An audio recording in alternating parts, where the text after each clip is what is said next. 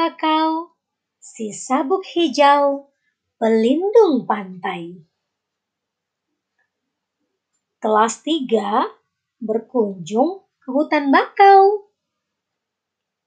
Mereka akan mempelajari perawatan dan pelestarian hutan bakau.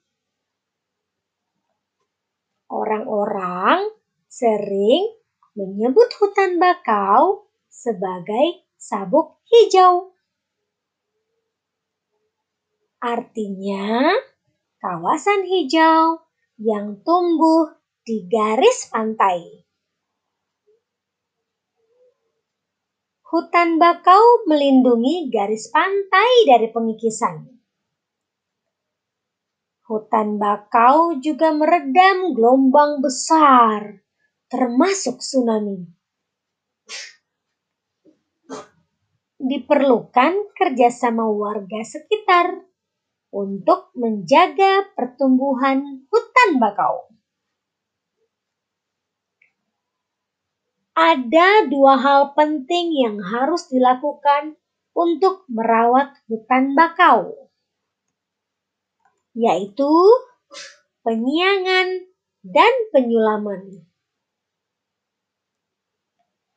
Penyiangan dilakukan untuk membasmi hama. Adapun penyulaman adalah penggantian pohon bakau yang mati.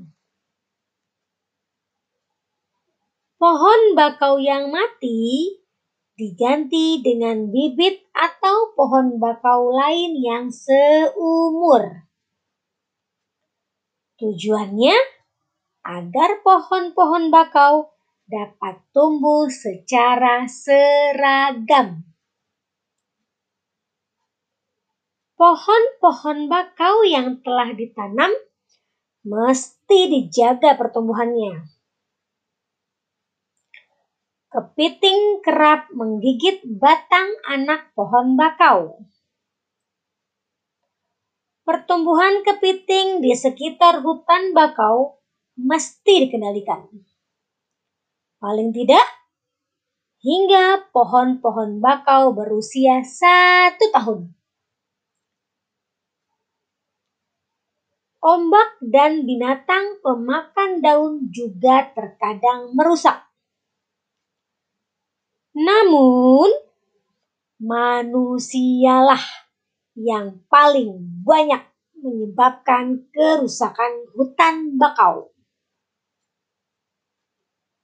bibit dan pohon bakau muda sering terinjak oleh pencari ikan dan kepiting.